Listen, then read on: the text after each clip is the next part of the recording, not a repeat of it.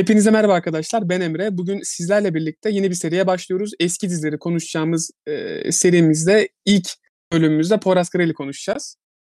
Ee, hepinize merhaba arkadaşlar. Bizden çok istediniz, aşırı çok istediniz. Her soru cevapta mutlaka bir kere sordunuz en az. İşte karşınızdayız. Şimdi e, kadrosuna girerek başlayacağım Poyraz Karayel. E, isminden de anlaşılacağı üzere Poyraz Karayel İlker Kaleli tarafından canlandırılıyor. E, başrollerimizi sayıyorum şu anda. Burçin Terzioğlu Ayşegül Umman karakteri. Musa Uzunlar Bahri Umman karakteri. Celil Nalçakan Zülfikar. Ataberk Mutlu Sinan Karayel yani Poyraz Karayel'in oğlunu canlandırıyor. Ee, Ali İl Saadettin Umman'ı Bahri Baba'nın oğlunu, vasıfsız oğlunu canlandırıyor. Şöyle e, Cem Cücenoğlu Taş Kafa karakteriyle Bahri Baba'nın korumalarından biri. Kan Bolat Görkem Aslan Sefer Sefer adıyla e, korumalarından biri. Ondan sonra Celil Nalçakan da aynı şekilde Zülfikar. Bunu bir daha söylemiş olabilirim kusura bakmayın. Ve e, bütün karakterlere değinmeyeceğim. E, son iki karakteri söylüyorum size. E, Emel Çölegen, Sema Koral Kılıç karakteriyle karşımıza çıkıyor. Bahri Baba'nın avukatı ve kızı neredeyse kızı kadar yakın. Ayşegül kadar. Ondan sonra başka kim vardı unuttum. Gelini var bir de Songül. Songül, Songül karakteri var da ismini unuttum onun. Şu an göremiyorum. Ece Özdikici. Ha, Ece Özdikici. Onun haricinde önemli olanlar bu kadar şimdilik. Devamını izleyip görürsünüz artık. Çünkü 3 sezon koca bir dizi. Ve Hepsine gir- spoiler'da girmek istemiyoruz kadrosunu söyleyerek de. Aynen öyle. İzlerseniz daha rahat bir şekilde görürsünüz. Yani hepsini girmeye çalışsak bu podcast olur 2-2,5 saat. Ki Aynen öyle. Yani. İstiyorsan yavaş yavaş konusuna doğru geçelim. Geçelim. E, dizimizin konusu şu şekilde. Zaten baş karakterimiz biliyorsunuz ki Poyraz Karayel. E, dizinin ismini alan karakterimiz. Poyraz karısından boşanmış. Karısı alkol bağımlısı olduğu için yurt dışına tedavi görüyor. Oğluyla beraber kalıyor ve e, Poyraz polis. Az önce Atan'ın söylediği gibi polis karakterini canlandırıyor.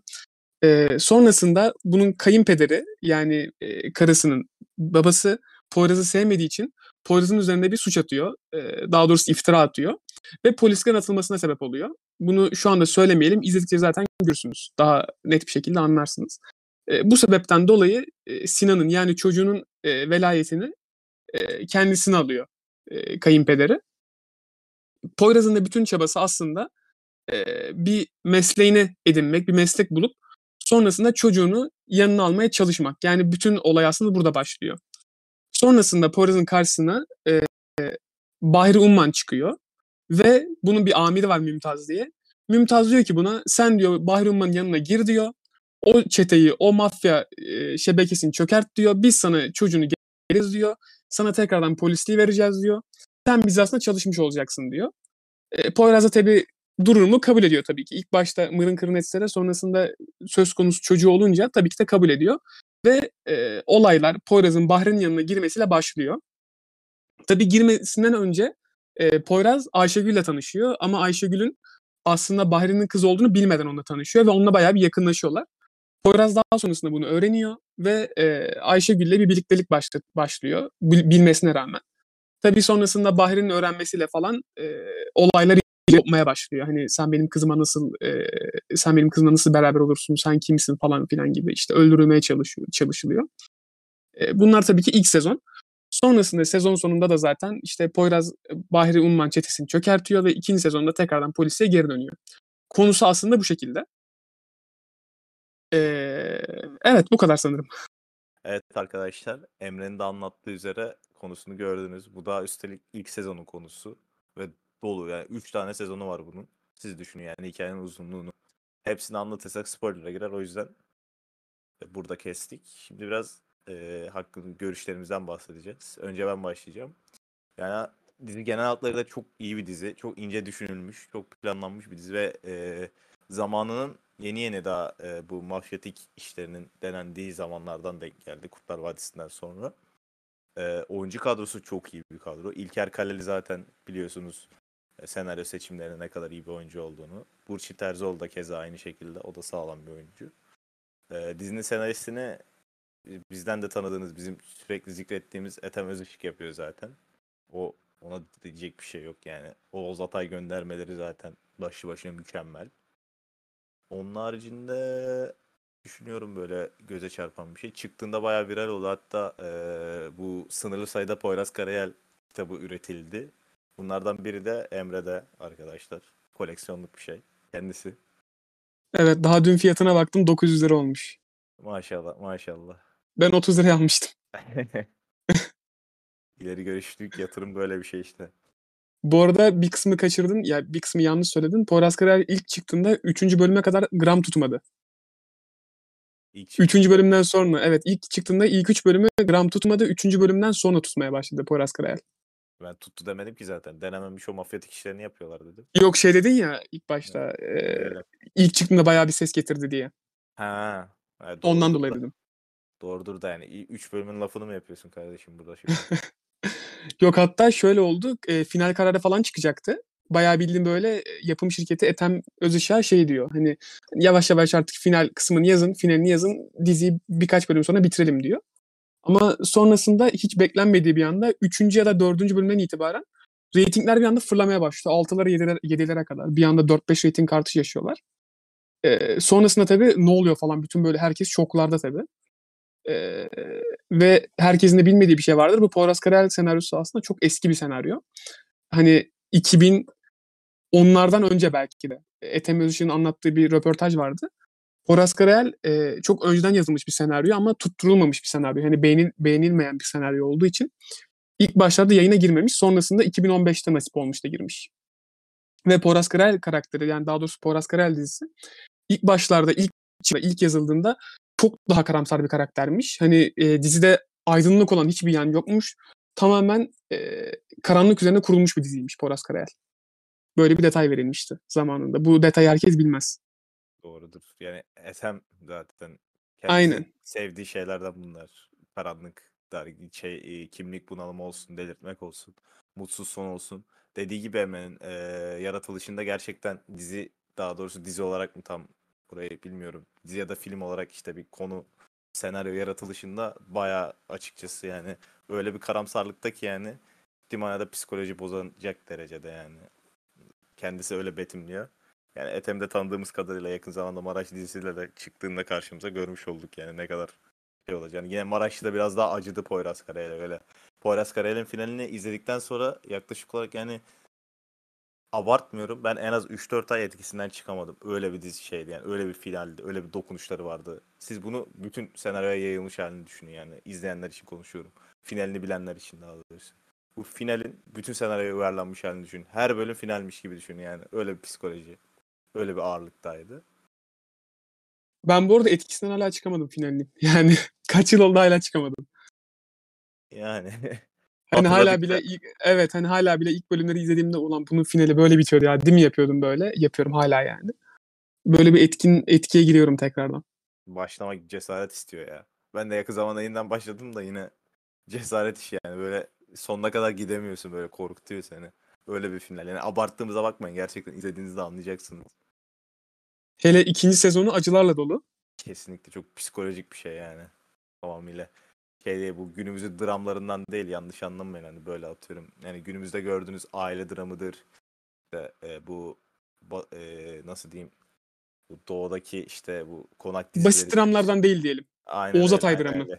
Oğuz Aynen Atay dramı. Şey, tam klişelerin üstüne çıkılmış bir işti yani. E, çok zor bir klişe bulursunuz. O da yani takdir edersiniz ki sürenin uzaması lazım. Biraz da klişe lazım yani. Aşk konusunda özellikle bir ufak. Kesinlikle. Ki bu arada mesela şu an aklıma geldi. Üçüncü sezonda Poyraz Karayel'in birinci Poyraz, ikinci Poyraz ve üçüncü Poyraz böyle karakterler vardı. Hatırlar mısın onu? Evet evet gönderme de vardı hatta. O mesela Oğuz Atay'dan gönderme. Evet, birinci Poyraz devri bitti. ikinci Poyraz devri bitti mi öyle bir repliği vardı. Burçin'e e, Ayşegül'e söylüyordu. Evet evet o işte şeyden sanırım yanlış hatırlamıyorsam e, Tehlikeli Oyunlar kitabında birinci hikmet, ikinci hikmet, üçüncü, üçüncü hikmet diye böyle bir e, olay vardı. Oradan esinlenerek yazılan bir şey aslında. Kesinlikle. İşte zaten Poyraz Karayel'deki yani İlker Kaleli'nin canlandırdığı Poyraz Karayel'de de o kimlik bunalımını o e, Oğuz Atay'dan sonra aslında görüyoruz.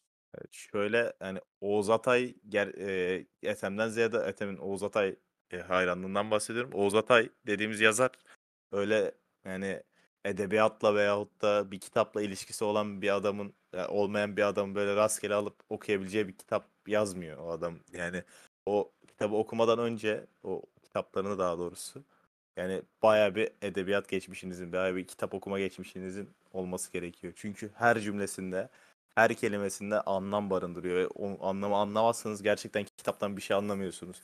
Ve sıkıcı, boş bir kitapmış gibi geliyor böyle bunalımlı böyle ne bileyim ergen dizisi gibi ergenin bunalım böyle aptal aptal işler gibi geliyor ama değil kesinlikle. Hatta şey derler. E, tutunamayanların sonunu herkes göremez derler. Evet. Böyle söylentileri de var yani. Ki Oğuz Atay hayranlığı uğranan daha doğrusu Oğuz Atay'ı benimseyen senaristlerin bugün de biraz daha ön plana çıktığı görülüyor zaten. Hakan Bonomo da keza öyleydi yanlış hatırlamıyorsam. Evet, Hakan. Günday da öyle. Evet yani görüyorsunuz yani imza bırakan işlerin hepsi e, Oğuz Atay e, Etkisi de yazılandır. Peterson'dan çıkmış bir şeyler. Ve şöyle diyorum yani Oğuz, Oğuz Atay'ı büyütmek için söylemiyorum bunu. Oğuz Atay seviyesine erişebilmek için o kadar kitap okuyup e, zihinlerinden süzmüşler ki yani öyle bir kendilerini geliştirmiş kapsama almışlar yani. Oğuz Atay bunu sağlamış onlara bunu katmış aslında. Yani kendisi çok iyi bir yazar olduğu için demiyorum. Çok iyi bir yazar. Orası tartışılır. Yani demeye çalıştığım şey onu anlamak için sarf ettikleri çaba sayesinde bugünlere geldiler. Yani bu senaryolar Maraşlısıdır. E, Maraş'ta çok yok ama e, Poyraz Karayeli'dir. Yani bunlar bu işler tamamıyla bir birikim isteyen işler yani. Kolay kolay yapılabilecek bir işler değil. Ve tutması da yani nasıl diyeyim çok güç işler yani. Bunu izleyiciye yedirmek de çok zor bir iş yani. O yüzden Kesinlikle. bu yaptıkları takdir edilisi bir şey yani. O yüzden çok saygı duyuyorum. Etem'e de, Hakan'a da, Hakan Günday'a da e, ilk söyledim Hakan Bonomo'ydu bu arada. Öyle yani. Ki zaten Oğuz Atay ağırdır. Hani e, yazdıkları zaten ağırdır. Senin dediğin gibi bunu seyirciye yedirmek çok büyük iş. Çok büyük problem. E, çünkü adamlar açık açık sana gelmişler orada. Poyraz Karayel'den bahsediyorum. E, Oğuz Atay'ın Tehlikeli Oyunlar kitabıyla tutunamayanlarını harmanlayıp izletiyorlar ve senin hoşuna gidiyor bu. Ki bir nesle bu e, durum Oğuz Atay'ı sevdirdi. Örnek olarak ben. Ya ben şahsen Poyraz Karayel'den sonra edebiyat sevmeye başladım. Benim Poyraz Karayel'den sonra edebiyata karşı bir ilgim artmaya başladı. Ve e, gerçekten hani normalde hayatımda da Oğuz Atay'la ilgili çok fazla kesit kullanıyorum yani çoğu yerde. Hani benim günlük hayatıma da etkiliyor aslında. Aynen öyle vallahi. Be- Benim de aynı şekilde böyle durup dururken yani yaklanış tarzım, edebi tarzım öyle yani. Değişik bir şey ya bu gerçekten. Oğuz Atay'dan sonra işte uzun doğru düzgün eser okuyamamaya başladım. En son işte araştıra araştıra denk gele gele en son Hemingway'e denk geldim. Denk geliş o geliş. O Hemingway de aslında Hemingway sevdam da benim şuradan geliyor.